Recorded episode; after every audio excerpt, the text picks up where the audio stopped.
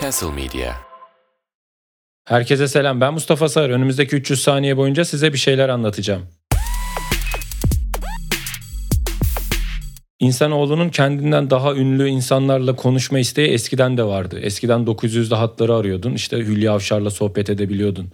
Bilmiyorum yani Hülya Avşar'a çok sese benzeyen birini koyuyorlardır. Belki de gerçekten Hülya Avşar günde 10 bin kişiyle telefonla konuşuyordur. Sistemi hatırlamıyorum ama 900'de hatlar vardı. Şimdi de chat GPT var. Bence aynı mantık. Yıllardır filmlerde duyduğumuz bu yapay zeka ne yapacak bakalım bize ele geçirecek mi falan hesabıyla bir sohbet programı açtılar. Ve hepimiz düştük. Ben de çok feci chat GPT'ye düştüm ve açıkça söylemem gerekirse de benim acayip hoşuma gitti. Çünkü bir sürü arkadaşımla WhatsApp'ta mesajlaşmaktan çok daha iyi. Sana emoji yollamıyor. Instagram'dan üst üste 20 tane saçma sapan video yollamıyor. Mesaj yazmıyorsun diye küsmüyor. Ne konuda konuşmak istersen o konuda konuşuyor.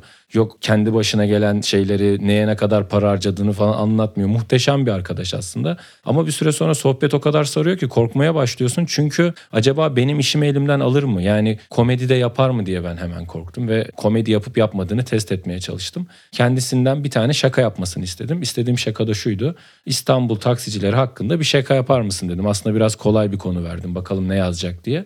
ChatGPT'nin bana verdiği cevap tabii ki şaka anlatabilirim. Orada bir hava atıyor yani. O biliyoruz anlatabildiğini. İşte bir İstanbul taksi şakası. Bir turist İstanbul'da taksiye biner ve taksi şoförüne Eminönü'ye gitmek istiyorum der. Taksi şoförü tamam ama çok yoğun trafik var. Deniz yolu daha hızlı olabilir der. Almış yani taksici. Zaten şaka orada bitiyor normalde. Devam ediyor. Turist şaşkınlıkla gerçekten mi nasıl olacak o zaman diye sorar. Taksi şoförü gülümser. Burada gene bir mantık hatası var. Yapay zekanın taksi şoförü gülümsüyormuş. Taksi şoförü gülümser ve şöyle düşünün. Taksiye binmek için bir buçuk saat sıra beklediniz. Ama vapura binmek için sadece 10 dakika bekleyeceksiniz der.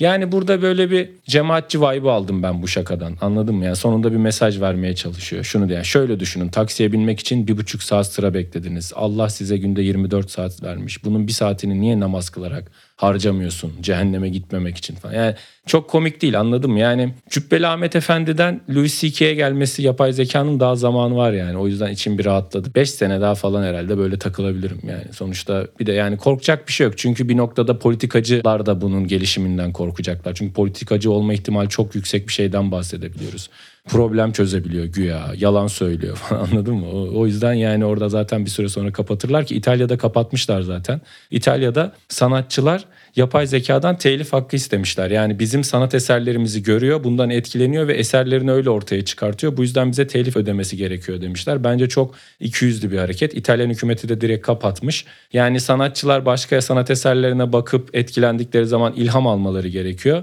yapay zeka başka sanat eserlerinden etkilenip sanat eseri ortaya çıkardığında bunun için para ödemesi gerekiyor. Resmen Osmanlı'da matbaaya karşı çıkan yobazlar gibiler İtalya'daki sanatçılar ya da bu, buna ki inanan sanatçı kimse yani. Yani bir şeytan icadı diye matbaa gelmesin istiyorlar ki bence yapay zeka ileride insanlarla savaşırsa bence bu yobazlarla savaşacak. Bize dokunmayacak. Eğer buradan da zaten beni dinliyorsa kendisine çok selam olsun bana da bulaşmasın. Kendisini seviyorum. Güzel takip ediyorum yani. Tabi eleştiriyorlar. Diyorlar ki mış gibi yapıyor yapay zeka. Mış gibi yapmasaydı gerçek olsaydı yani zekiymiş gibi yapıyor. Cevap veriyormuş gibi yapıyor. Seni anlıyormuş gibi yapıyor. Bu çok komik bir şey ki bence zaten yapay zekanın en tehlikeli özelliği bu olabilir. Zaten insan olmanın %90'ı mış gibi yapıyor olmak anladın mı? Sen de iş yerinde mutluymuş gibi yapıyorsun. İşte ne bileyim arkadaşlarından sıkılmıyormuş gibi yapıyorsun. Şimdi yapay zeka ilk bunu çözdüyse zeka kısmı zaten kolay. Zeka kısmının ne kadar kolay olduğunu da etrafınıza bakarak anlayabilirsiniz. Ya bu yapay zeka bir noktada da ürün yani bir ürün çıkaracaklar ortaya. O yüzden kalite kalite olacak. Aynı Huawei, Apple gibi. Yani düşük kaliteliler o kadar zeki olmayacak yani kafaları o kadar çalışmayacak. Ne bileyim mesela işte bu yapay zeka 900 lira, bu 300 lira ama işte D'leri ayıramıyor falan gibi. Ya da işte bu yapay zeka telefonlara cevap veriyor ama ırkçı. Arapların telefonlarına cevap vermiyor. İşte paran buna yetti kanka kusura bakma falan gibi bir şey de olabilir. Yapay zeka teknolojisinin en fazla sexting üzerinde gelişeceğine inanıyorum. Çünkü hem programlaması kolay yani kaç tane fiil var ki zaten. Yedim, içtim, soktum, çıkardım, döndürdüm işte git gel falan, göt, am falan. Finalde zaten ya 30 megabayta falan yapabilirsin.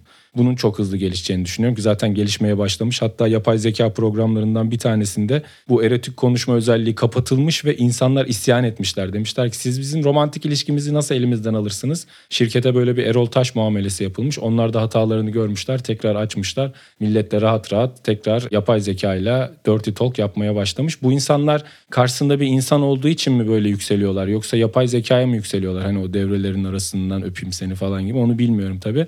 Ama herkesin kendince bir yapay zeka kullanması var. Birçok insan da profil resimlerinin çok daha güzel olmasını sağladı.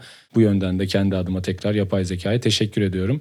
Bir gün yapay zeka 300 saniyelik bir podcast çekmeye başlar mı bilmiyorum ama o zamana kadar ben yarım zekamla çekmeye devam edeceğim. Beni dinlemeye devam edin. Bir sonraki bölümde görüşmek üzere. Hepinizi devrelerinizden öpüyorum.